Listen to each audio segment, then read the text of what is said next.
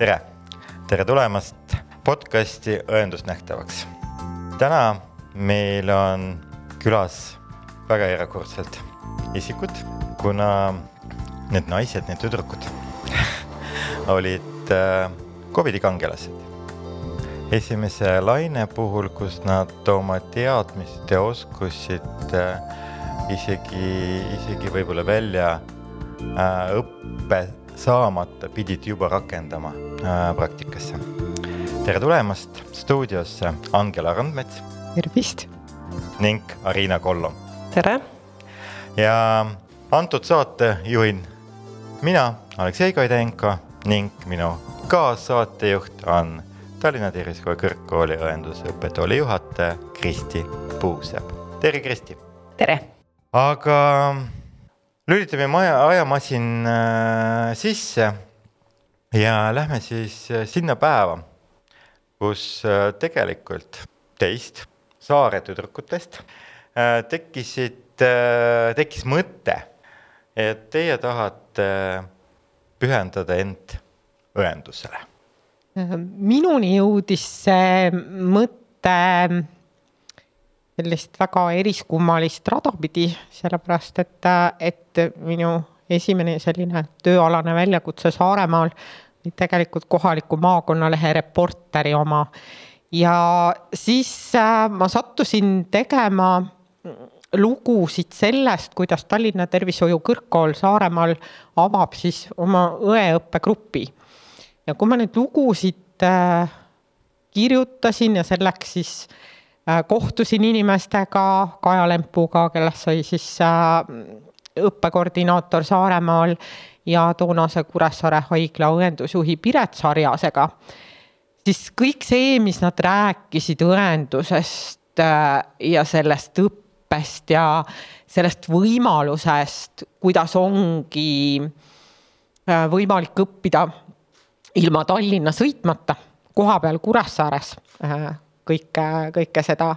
et, et siis see hakkas mind niimoodi äh, pisitasa huvitama äh,. seda enam, et tegelikult äh, ma tundsin, et mul äh, tõesti õendusalast teadmist, et see ei jookse mul kindlasti mööda külge maha, kuna mul on kodus äh, eakad lähedased ja, ja mingitel hetkedel ma tundsin, et mu teadmistest ja oskustest jääb selgelt väheks, et ma saaks juba nende koduste olukordadega hakkama. ja, ja ma tean, et, et siis, kui juba oli mul diktofon kinni, siis ma julgesin küsida, noh, teades, et, et ma ei ole päris enam kaheksateistaastane ja, ja värskelt gümnaasiumi lõpetanud, et siis, siis ma nagu söa-, söandasin küsida, et, et kas, kas minul oleks mõtet üldse proovida sellesse õeõppesse kandideerida. sain vastuseks, et jaa, loomulikult, et, et õppimine on teretulnud igas eas, me räägime väga palju elukestvast õppest. ja, ja ma sain sellest nii palju julgustust ja innustust. ja, ja mulle tundus ka, et, et äh, seda oleks ka nagu Saaremaa kogukonna pärast hea teha. sellepärast, et ega seal ei ole ju iga nurga taga neid perearstikeskusi ja, ja et, et lihtsalt anda kohalikule kogukonnale võib-olla suurem panus, kui ma seda reporterina suutsin teha. Marina, kuidas teie lugu on? mind viis üldse meditsiini juurde kogukond viiski, ütleks nii, kuna ma elan Ruhnu saarel. töötan ka nüüd Ruhnu saarel ja siis Kuressaares töötan ka. ja kuna Ruhnu saarele tekkis ka aastal kaks tuhat kaksteist PERH-i kiirabi hakkas seal tööle mina sinna algul valituks ei osutunud, sinna meeskonda, siis mina väga tahtsin. ja tulin õppima tegelikult siia teie kooli EMT-iks, et ma olen ka EMT lõpetanud. ja siis ma muidugi saingi tööle sinna kiirabisse, mis siis viis mind edasi ka Kuressaare kiirabisse. ja et ennast täiendada, siis tuli see võimalus, et asuda tööle õppima siis nagu õeks kui see tuli Kuressaarte, see õppekava. ja nii see läks ehk sinu lugu on natukene teadlikum selles mõttes, et sa oled juba äh,. jalg nagu, oli sees on ju. jaa, nuusutanud seda, seda tööd ja, ja mina ütlen äh, tõesti, et minul ka viimase aasta jooksul õnnestus kaks korda helikopteriga käia Ruhnus äh, patsientide järgi no ja, ja tegelikult äh, see on Terviseameti suur projekt, äh, kus on Eestis kaetud äh, tänaseks esmaandjate brigaadide liikmetega neli suurt saart, kus tõesti Ruhnu vist on, Kihnu, Kihnu, ei, Ruhnu on kõik, kes on väiksem? Ruhnu. Ruhnu, Ruhnu on kaugem ja väiksem. kõige, kõige, kõige kaugem ja kõige väiksem saar, aga see on väga-väga tähtis meile. aga hakkasite õppima kas te olete kursusekaaslased? jaa. jaa ja siis ma saan aru, et äh, te astusite kooli siis üheksateist. üheksateist aasta jah, suva, sügisel alustasime õpinguid. ja märtsis kakskümmend on külastanud meid väike pisik nimega Covid. ja kuidas siis äh, teie puutusite sellega kokku, mis teie esimene äh, nagu reaktsioon selle peale oli? Äh, minu esimene reaktsioon oli siis äh, sellest oma toonasest reporteritööst tulenevalt, et ähm, et ma tegin küll õendushoolduse praktikat, aga siis ka paralleelselt nädalavahetuseti kirjutasin siis äh, kohalikule lehele lugusid ja, ja varusin selleks materjali ja siis mul oli õnn ja rõõm äh, käia äh, siis äh, ühel sellisel üritusel, kus siis viirus üle Saaremaa levima hakkas, siis reporterina. ja kui ma läksin siis nädalavahetusel laksutasin siis mööda neid üritusi ja siis läksin esmaspäeval praktikale, siis ma tean, et mõned päevad ma sain veel praktikal käia.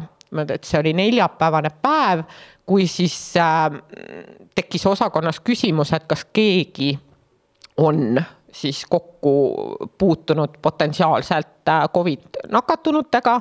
et kuna olid äh, noh, niimoodi äh, patsiendi andmeid võimalikult palju kaitst-, kaitstes, aga ikkagi siis piisavalt selgelt välja öeldud, kes siis võisid need esimesed ametlikud nakatunud Saaremaal olla, siis mina pidin siis tunnistama, et minul oli potentsiaalne võimalus nädalavahetustel, nädalavahetusel nendega kokku puutuda, mille peale mulle öeldi, et ole palun kena inimene, mine koju ja ole kaks nädalat kodus. ehk sina ja... oled see üks esimestest, kes jäid äh, isolatsiooni ja, ja jälgisid seda mängu äh, kodust. niimoodi äh, kuvariekraani, niimoodi arvutiekraani tagant. ja oi, see oli väga keeruline sellepärast, et kui sa näed, et su grupikaaslased saavad kõik midagi päriselt teha, et see, selles olukorras olla abiks, et, äh, et seda kogukonda nagu toetada, et Arina näiteks saab, saab reaalselt kiirabiautoga sõita nagu inimestele appi. Arina aga..., aga kuidas sinu esimesed päevad siis möödusid? sõitsid kiirabiautoga appi? Äh, minul, ma päris esimesed päevad ei sõitnud, sest et mina täpselt see päev sõitsin Ruhnu ära ja jäin sinna kinni, mind ei lastud enam tagasi, kuigi ma tahtsin tulla. tollal oli veel doktor Popov seal PERH-is ja tema ütles, et ei, et sind on Ruhnus vaja, et sa ei lähe ja siis ma olin seal mingi aja aga kui ma siis tagasi tulin, äh, noh, lõpuks siis ikkagi pidin ju tööle tulema, Kuressaarde kiirabisse sõitma, siis äh, jah, see oli, isegi oli ta hirmuäratav natukene algul. kui tulla Saaremaale sisse sõitsin, ma tulin läbi Pärnu nagu äh, lennukiga Pärnusse ja sõitsin siis Kuressaare poole, siis kuidas need praam, Virtsus olid siis politsei ees ja kõik oli niisugune vaikne ja siis tekkis kord isegi niisugune tunne, et kas ma tõesti nüüd lähen sinna, kus on nagu mingi nakkuskolle, on ju. aga kui juba tööle asusid, siis oli, siis tegelikult ei mõelnud enam selle peale. ikka väike ärevus oli nagu sees? see minek oli algul uh. -huh aga kui juba tööl, tööpäevad ja, aga noh, muidugi need kutsed, meil olid iga kord ju need kostüümid ja nii nagu igal poolgi jah mm. -hmm. ma ütlen korra vahele. maskid ja mis meil kõik seal peas olid, et see oli nii, et. et tegite praktikat tõesti, see oli esimese kursuse äh, õendusaluste praktika, mis pidi lõppema märtsi keskel mm. -hmm. ja eriolukord kuulutati välja neliteist märts. kolmteist, neliteist, kuskilt seal jah. nii et äh, tegelikult teie praktika ju ei lõppenud. oli ka üks selline lõputu jada. jah, see jätkus jah ja.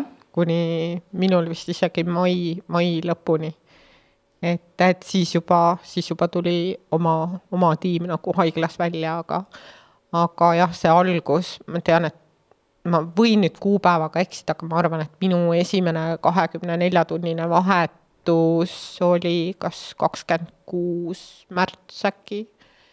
et, ähm, et ja need kaks esimest kahekümne nelja tunnist vahetust, ma arvan, jäävad mulle nagu elu lõpuni meelde. Et kus sa näed, et selles osakonnas, kus sa oled olnud praktikal just, et äh, on sulle tuttavatest inimestest, Kuressaare haigla oma töötajatest äh, kaks inimest, üks õde ja üks põetaja ja teised on kõik juba nagu haigeks jäänud. see oli küll jah, kuidas read hõrenesid ja, ja siis oli selline nagu hingevärin, et ma mõtlesin, et alles ma olin ju praktikant, alles ma sörkisin siin õdede ja põetajate järgi ja ma ei, ma ei teadnud nagu midagi, et kõiki asju ma küsisin ja täna olen ma siin kakskümmend neli tundi. ma olen õega kahekesi selles osakonnas, kus on äh, neliteist, viisteist patsienti, kõik on raskes seisundis.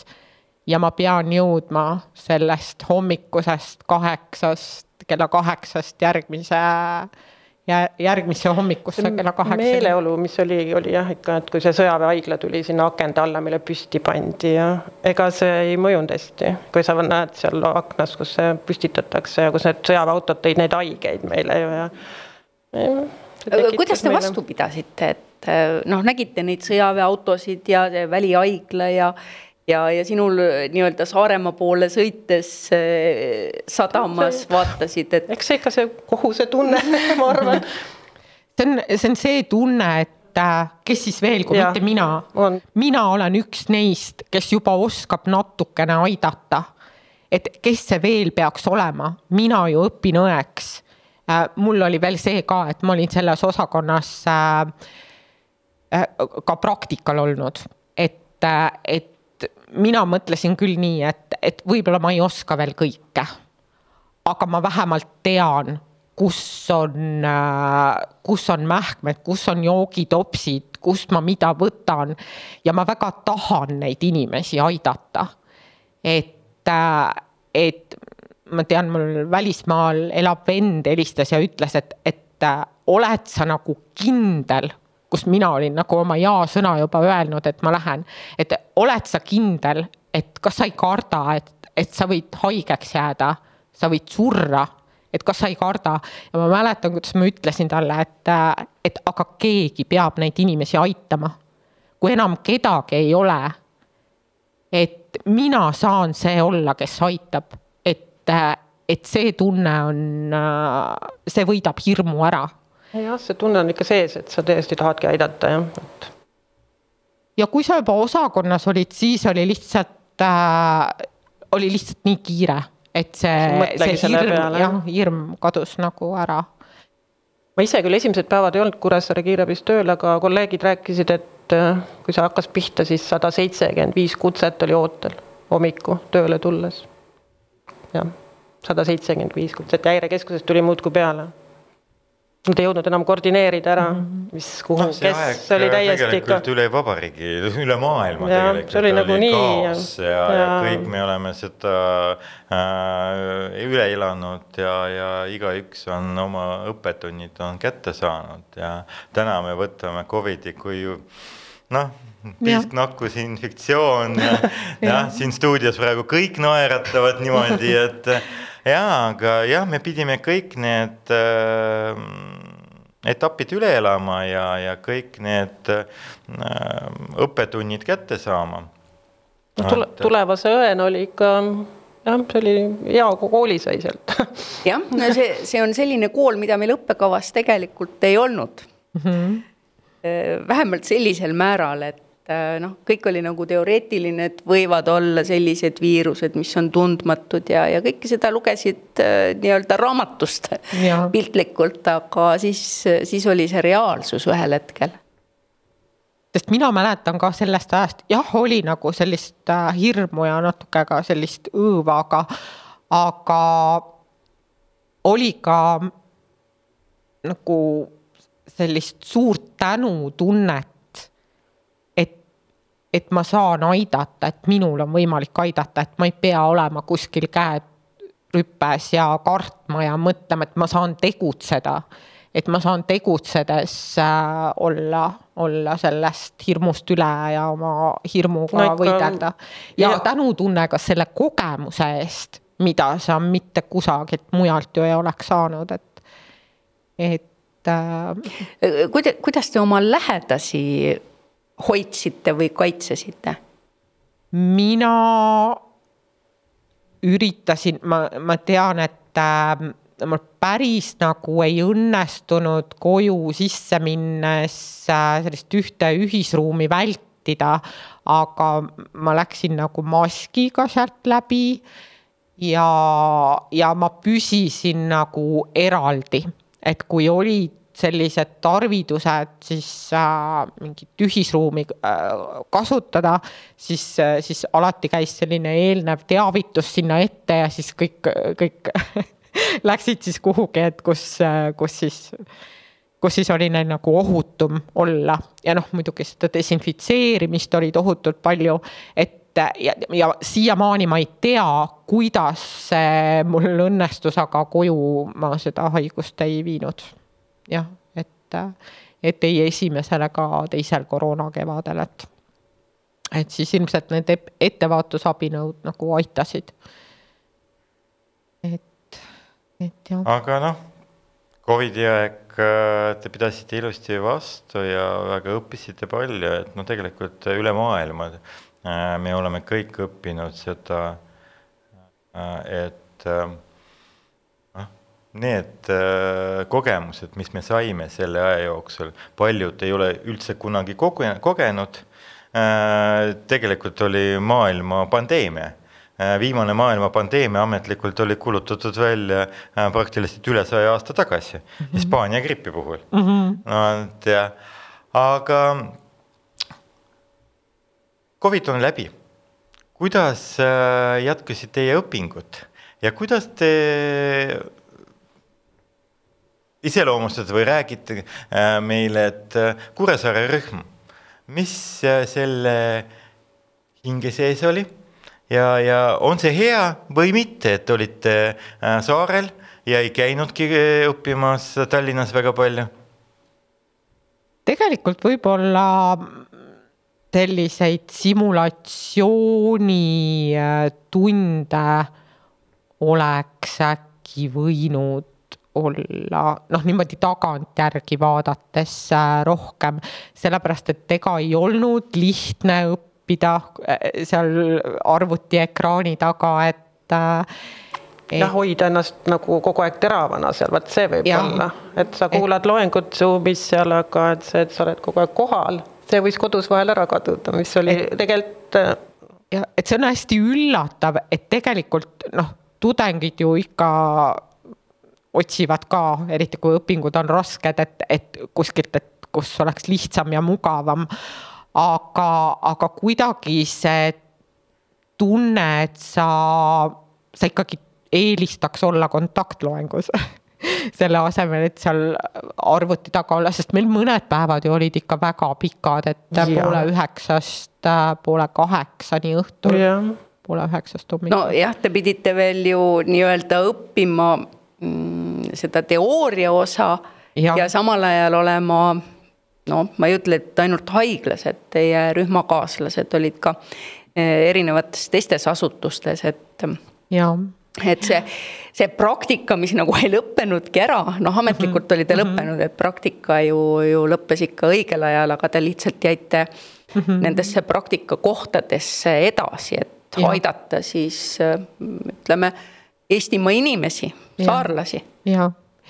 et tegema nii-öelda ikkagi mitut asja korraga, olema täiskohaga peaaegu seal eh, praktilises tegevuses ja samal ajal õppima, sest õppimine läks ju edasi. teooriaõpe läks edasi. ja eks see õpetas nagu võib-olla aja planeerimist ka rohkem, et, et mida sul on nagunii mm -hmm. ju, ju tööelus vaja. et, et prioriteetide seadmist, et ega ta ei olnud nagu läbinisti läbinisti nagu mingisugune selline. põnev ju õppida.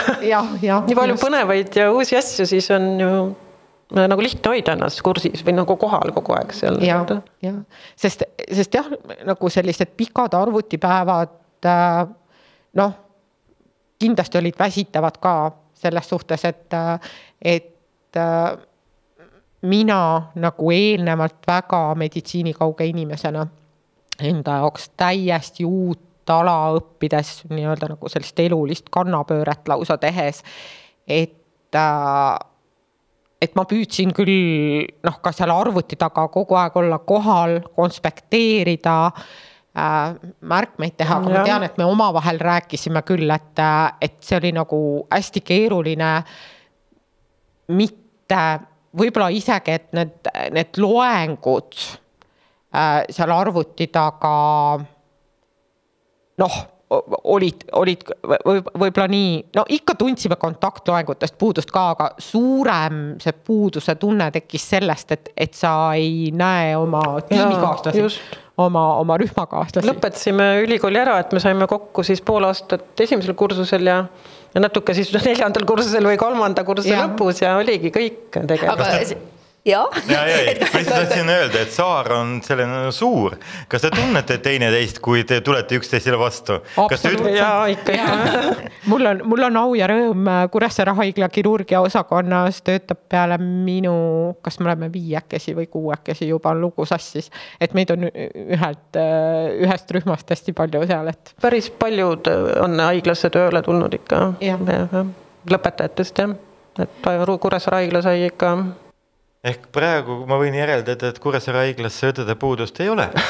Kas me võime kuulutada välja, et meil on üks haigla, kus õdedest eesmärk täidetud seda ei oska öelda, uus, uus grupp õpib, tublisi õdesid tuleb veel. jah, et järelkasv on olemas, et see on äh, hästi tore, kirurgia osakonnas on ka nagu esimese nüüd juba teise kursuse tudengeid siis teisest Saaremaa õppegrupist, et, et kes siis põetajana hetkel seal annavad oma, oma kiiduväärset panust. mitte ju ainult Kuressaare või Saaremaal, et äh, siin on ehe näide Ruhnu, äh, kuhu võib-olla noh, niisama õde leida on äh, ja.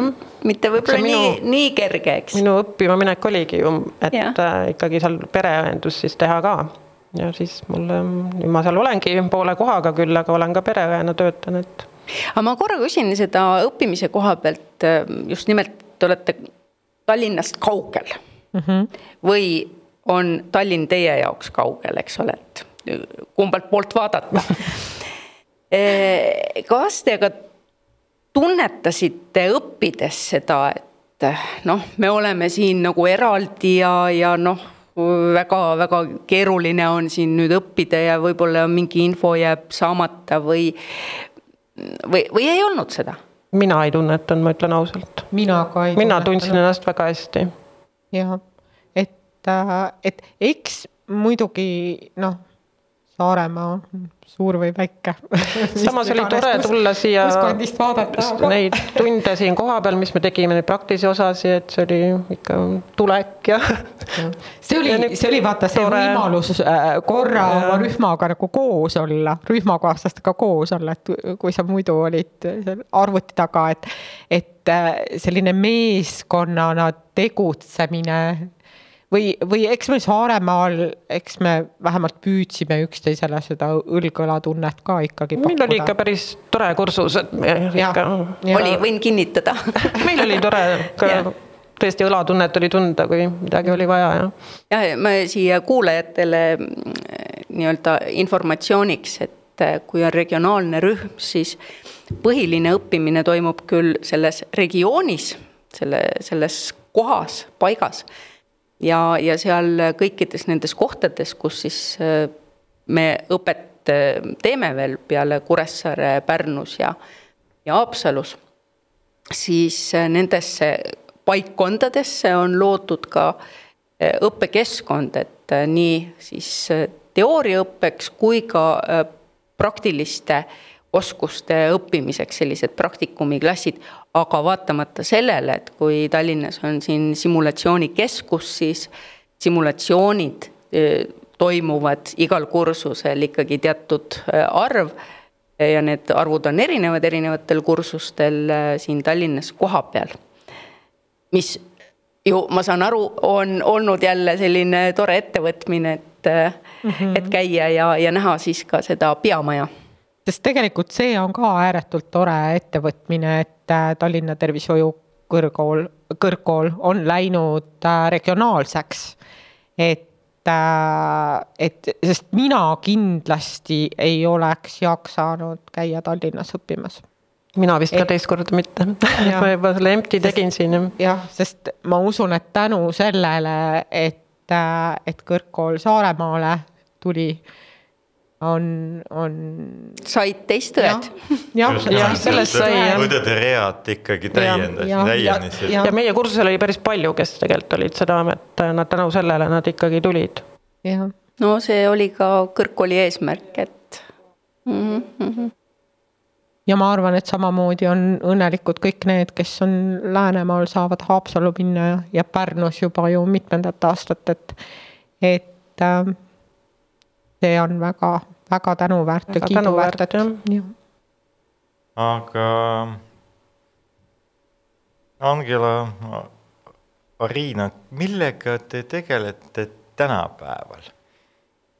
mis tööd te teete? ma sain aru, et äh, natukene pereõetööd, natukene kiirabi, äh, natukene see kirurgia valdkonnas, kas on kuskilt veel Äh, või mina saan küll, noh, mul on siin täitsa juba natukene niimoodi piinlik öelda, kuna Riina on täielik selline multitalent, et, et mina oma sellise tööalase pühendumise olen andnud siis äh, Kuressaare haigla kirurgiaüksusele. et, ähm, et see on selline üksus, ma arvan, igas haiglas, kus sa õpid tohutult palju sa pead kiiresti mõtlema, kiiresti tegutsema ja see on üks selline koht, kus äh, ma arvan, sellisel äh, verivärskelt lõpetanud õel on väga hea õppida ja väga hea praktiseerida. et äh, ja kus on ka väga toetavad kolleegid. et, et kui sul ikkagi on abi vaja, siis seda antakse ja sa saad sealt kuhjaga ka sellist head nõu äh, nagu sinna kõrvale, selle abi kõrvale, et, äh, et minu, mina olen siis, mina olen siis ainult, ainult siis kirurgia, kirurgilisele õendusele hetkel pühendunud, jah. Arina, sina? no mina olen tegelikult juba kaheksas aasta siis kiirabis töötanud tegelikult jah. ja põhikoht ongi nüüd Kuressaare kiirabi ja siis PERH-i väikesaarte kiirabis ja pereõde siis, mis mulle uus kogemus nüüd. uus kogemus pereõena ja mis on, kuna ma olen kogu oma väikses kogukonnas, inimesed on tegelikult mulle ju tuttavad ja sinna nüüd uuesti tuua seda, et inimesed pöörduksid üldse kohaliku põe poole ja see on väga väljakutsev, kutsuv no, asi. küsida, et kas sa oled üksi praegu saarel pereõde või? jah, ma olen üksi. ja su perearst asub? Kuressaares käib ta vahest sind külastamas või? pigem käin mina teda külastamas ja meil on hea, noh, alati ma saan teda kätte ikkagi, kas telefonis, ta võtab alati vastu meili teel, jah. no, et sa pead hakkama saama üksi? jaa, ma pean ikkagi hakkama saama, jah. et tegelikult äh, see on praegu tõeline selline noh, edulugu Eesti õenduses, sellepärast äh, kui me teame, et Eesti on äh, väiksete ja suurte saarte riik, siis me oleme aastaid rääkinud ja väljakutse viskanud arstidele, et kuulge, miks siis mitte asendada perearsti nimistu nimega pereõe nimistuga? Siis äh, võib öelda, et Ruhnu saarel ongi praktiliselt pereõe nimistu ja sina siis äh, vajadusel võtad arsti appi äh, oma väiksete probleemide ja murede lahendamiseks. ja ka suurte probleemide aga noh, kuna on ka ma ei tunne ennast üldse halvasti seal, ma tunnen ennast väga kindlalt, üks põhjus muidugi on mul väga hea perearst, kes on minu noh, kellega ma töötan koos, aga teine on, mis on väga suur tugi, on muidugi PERH-i kiirabi.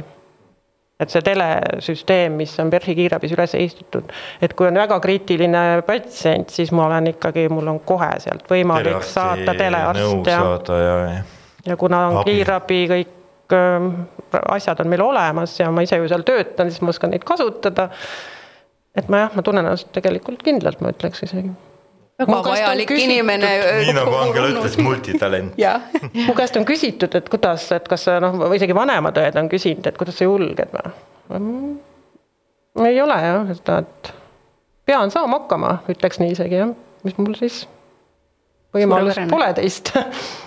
On teil meenutada mingi, mingi selline hea emotsionaalne lugu mis on seotud teie kutsealaga, millega te hea meelega nagu jagaks äh, meie raadios või, või saate äh, kuulajatega, et mis nagu noh, südamesse läks?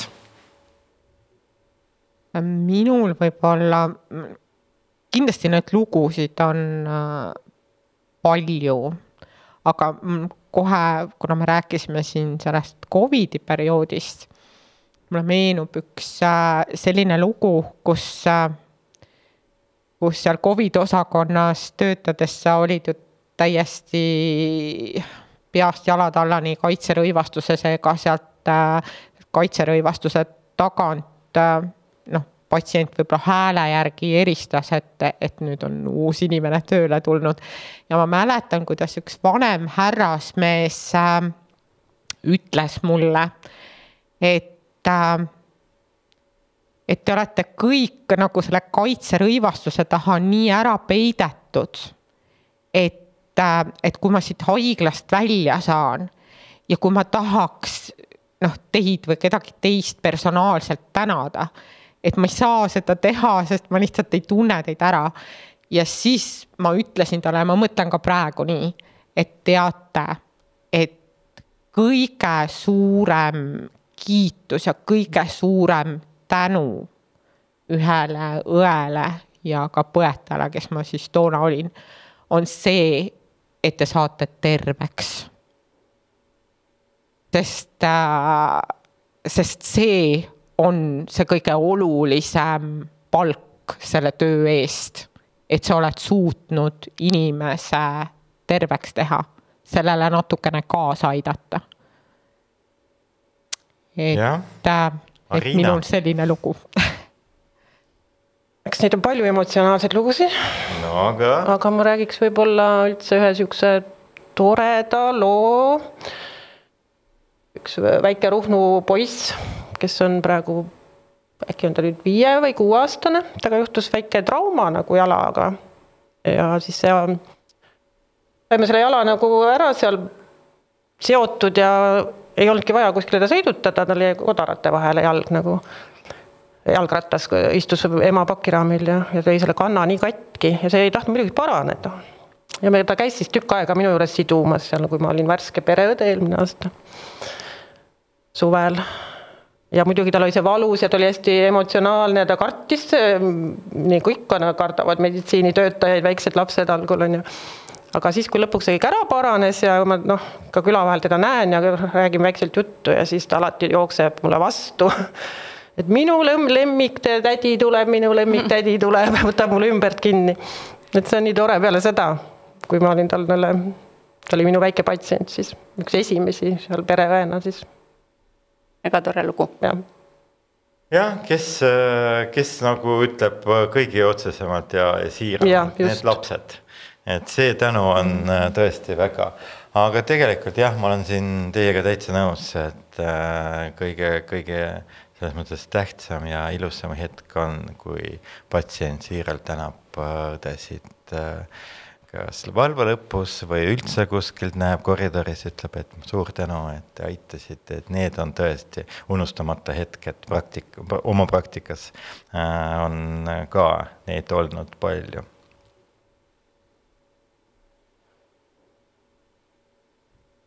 Jah, aga mina tahaks veel sellise küsimuse küsida, et te, te mõlemad tulite no mitte peale keskkooli lõppu.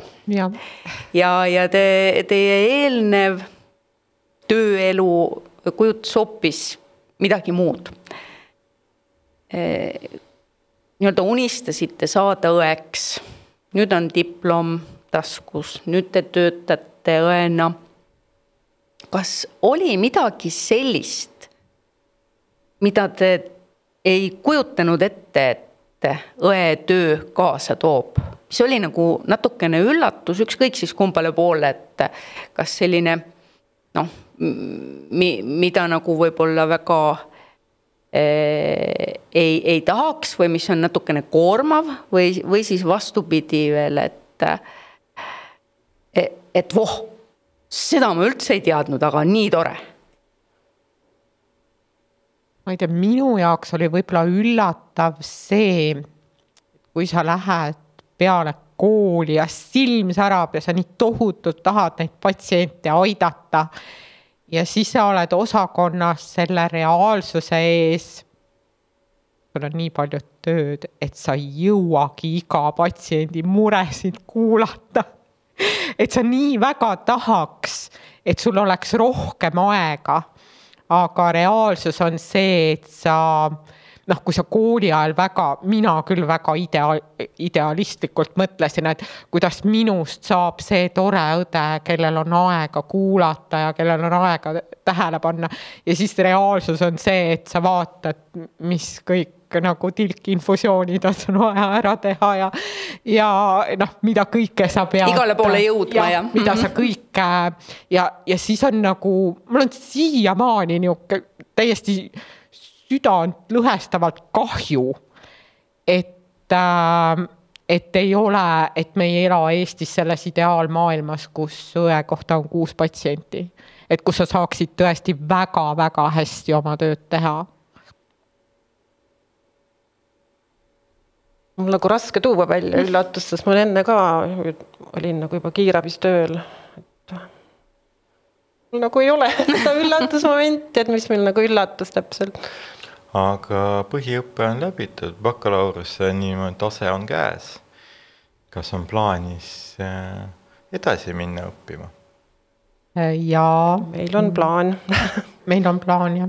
tulla ja, ja magistrisse jah. jah, mõlemaid kõnetab just see abikaugete, abikaugete piirkondade teema.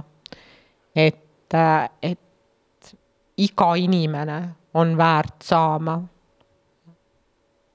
õendusabi ja arstiabi ja tervisetoetust, ükskõik kus ta elab või kuhu, kuhu ta elu, millisesse piirkonda on teda elama sättinud. et seal ei tohiks, selles abi kvaliteedis ei tohiks olla vahet. ja me mõlemad natukene oleme mõelnud, et, et me tahaks magistriõppes ühenduda sellisele arendusprojektile, mis aitaks seda olukorda parandada. jah, mis praegu on ju eriti aktuaalne, see, need suured EMO järjekorrad, perearstide puudus, et oleks rohkem kõrgemal tasemel õdesi, kes oleks võimelised just seda esmatasandi tervishoiul nagu noh, perearstil olla suurem tugi, ühesõnaga oleks tarkasi õdesi rohkem. nii nagu Ruhnus on. jah, et sa saaksidki jah, õla alla panna ja. Sellele olukorrale ise, et ise rohkem ära teha, kas nende iseseisvate õe vastuvõttudena või, või midagigi, et, et see õendusabi kvaliteet üle Eesti oleks nagu ühtlasem. et pikki järjekordi poleks enam väga head väljakutsed olete endale seadnud, et mina siinpool äh, soovin teile edu, sellepärast et äh, see on äh, väga huvitav, kuidas läbi magistriõppe te tõesti saate panustada Eesti õenduse arengutesse ja, ja mina näiteks eeldan ka, et igaüks magistriõppes õppiv õde oma projekti, läbi oma projekti, oma läbi lõputöö arendab Eesti õendus. ehk see, see peakski olema selliselt niimoodi ka korraldatud meil et äh, kõik need äh, head äh, töö tulemused, mis nagu õpingute lõpus saavad kaante vahele, need saaks ka praktikale.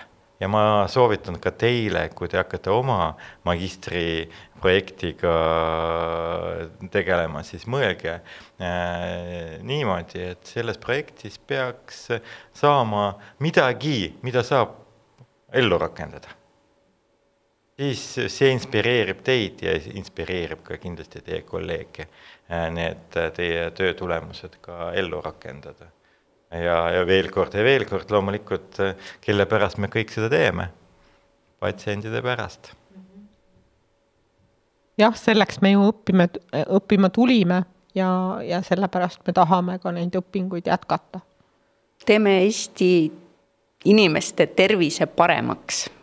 just mm. -hmm aga märkamatult kiiresti aeg lendab ja ma saan aru, teil on veel teekond äh, saarele tagasi.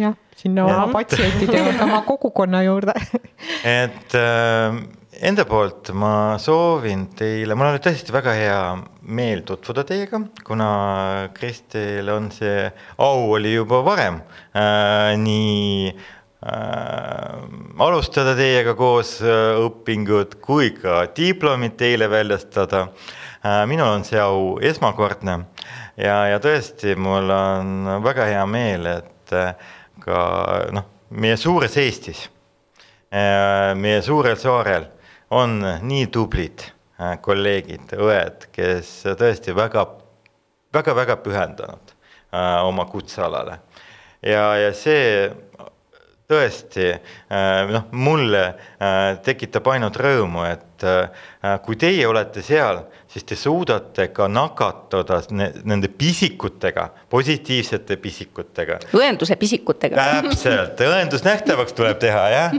et pisi, õendus pisikutega ka teisi oma saarlasi, kes sama tahavad panustada oma kogukonnasse, oma äh, Äh, saare tervisele. et äh, enda poolt soovin teile edu ja, ja jaksu. Äh, sellepärast, et õetöö ei ole raske, ei ole, sorry, ei ole kerge mm, -hmm. vaid hoopis väga-väga raske töö. ja, ja kindlasti äh, hoidke seda elu tasakaalus, ärge laske end väga-väga äh, vaimse niimoodi nagu pinge alla et kui te tunnete, et kui, et äh, elu läheb niimoodi väga pingeliseks, siis kindlasti võtke midagi äh, sellist, mida äh,, mis annab teile näiteks sellest pingist lahti saada. siin küsimus, Angela, mis sind äh, aitab pingist lahti saada äh,? kuna ma elan maal, siis äh, juba see keskkond ja õhkkond, et et, et see, see väga aitab, sest see on äh, võrreldes haiglakeskkonnaga hoopis teine maailm. et minul on võimalus minna metsa jalutama ja linnulaulu kuulata ja ma arvan, et seal ma laadin kõik oma pinged maha. super, Ariina? mina käin kalal. Vau, sellest tuleb teise saade, eraldi saade teha. mina käin kalal jah, ja muidugi ka palju. merel? merel jah, ikka merel jah, paadiga jõudu teile minu poolt. Mhm, aitäh, aitäh.. mul on nii hea meel äh, selliste ähm, lõpetajate üle ja soovin ka omalt poolt teile edu ja jaksu ja ähm, magistri vastuvõtt hakkab ka varsti, nii et hoidke siis silmad lahti. Mhm, püüame. aitäh teile. ja aitäh. aitäh. Aitäh!